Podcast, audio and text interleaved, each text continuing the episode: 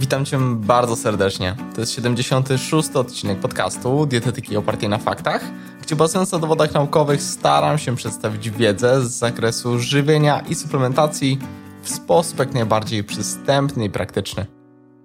Niekiedy w obiegowych przekonaniach sugeruje się, że nie należy do herbaty dodawać soku z cytryny. Argumenty za tym przemawiające są dość spójne i logiczne, a konsekwencje zdecydowanie niekorzystne dla naszego zdrowia.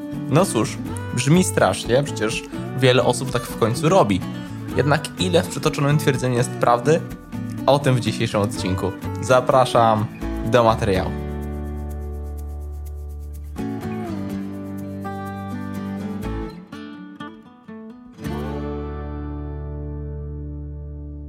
Popularny pogląd, jakoby dodawanie do herbaty soku z cytryny powodowało, że napój ten zyskuje niepożądane właściwości, wywodzi się z reakcji, jaka potencjalnie ma wywiązać się między pewnym składnikiem herbaty, a pewnym składnikiem soku z cytryny. Otóż herbata, oprócz tego, że jest źródłem wielu wartościowych, wręcz prozdrowotnych substancji, jak katechiny czy związki fenolowe, to są w niej obecne również związki nieco bardziej kontrowersyjne, między innymi glin. Glin jest pierwiastkiem, który w zbyt wysokich dawkach może działać na naszą szkodę. Posiada bowiem potencjał ogólnoustrojowej toksyczności, jak i jest zaliczany do czynników środowiskowych mogących mieć znaczenie w powstawaniu choroby Alzheimera. Jednak nie ma się czego obawiać, glin znajdujący się w naparze herbacianym jest słabo przyswajalny przez nasz organizm, ale jak głosi popularna hipoteza, do czasu, kiedy nie dodamy soku z cytryny. Gdy takiej praktyki się dopuścimy, pojawia się problem. Otóż kwas cytrynowy, znajdujący się w cytrynie, może potencjalnie tworzyć z glinem kompleksy pod postacią cytrynianu glinu. Te natomiast z przewodu pokarmowego mogą już wchłaniać się całkiem dobrze. W taki oto sposób dodatek soku z cytryny ma sprawiać, że zawarty w herbacie słabo wchłanialny glin staje się dobrze wchłanialny i stanowi tym samym realne zagrożenie. Co więcej, Istnieją badania, w których zaobserwowano, że dodatek kwasu cytrynowego zwiększa ekstrakcję glinu z liści do naparów o kilkanaście, kilkadziesiąt procent. A więc nie dość, że potencjalnie lepiej się wchłania, to jest go więcej. Bez wątpienia argumentacja dość logiczna, mająca pewne uzasadnienie i całkiem spójna.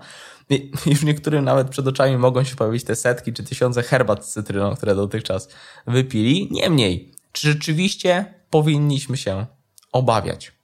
Pytanie, jakie należałoby zadać, to czy faktycznie konsumpcja herbaty z cytryną powoduje istotny wzrost poziomu glinu w ustroju.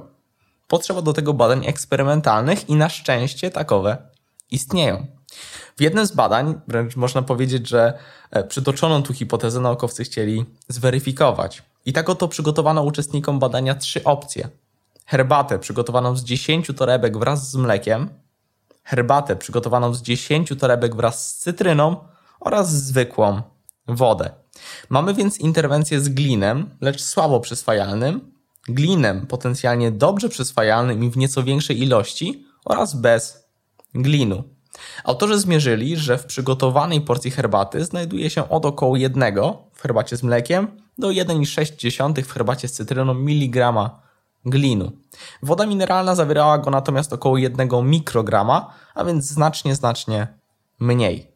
Stężenia glinu w próbkach osocza uczestników oceniano pobierając je już od 24 godzin przed spożyciem napoju i do 24 godzin po jego konsumpcji. Co się okazało? Po konsumpcji każdego z podawanych napojów nie zanotowano znaczącego zwiększania poziomu omawianego pierwiastka. Innymi słowy, po konsumpcji herbaty z mlekiem, herbaty z cytryną, jak i samej wody, notowane ilości glinu w ustroju były podobne. Okazuje się, że dominujące formy glinu w herbacie związane są wysokocząsteczkowe i trwałe chemicznie kompleksy, dlatego mimo dodatku kwasu cytrynowego glin wciąż jest słabo wchłanialny. Na domiar tego pragnę wspomnieć, że istnieją badania obserwacyjne, które sugerują, że spożywanie herbaty wiąże się ze zmniejszonym ryzykiem Alzheimera i z poprawą funkcji poznawczych w starszych populacjach. Herbata zawiera wiele związków bioaktywnych, takich jak m.in. polifenole, teanina, które mogą przyczyniać się do jej neuroprotekcyjnego działania.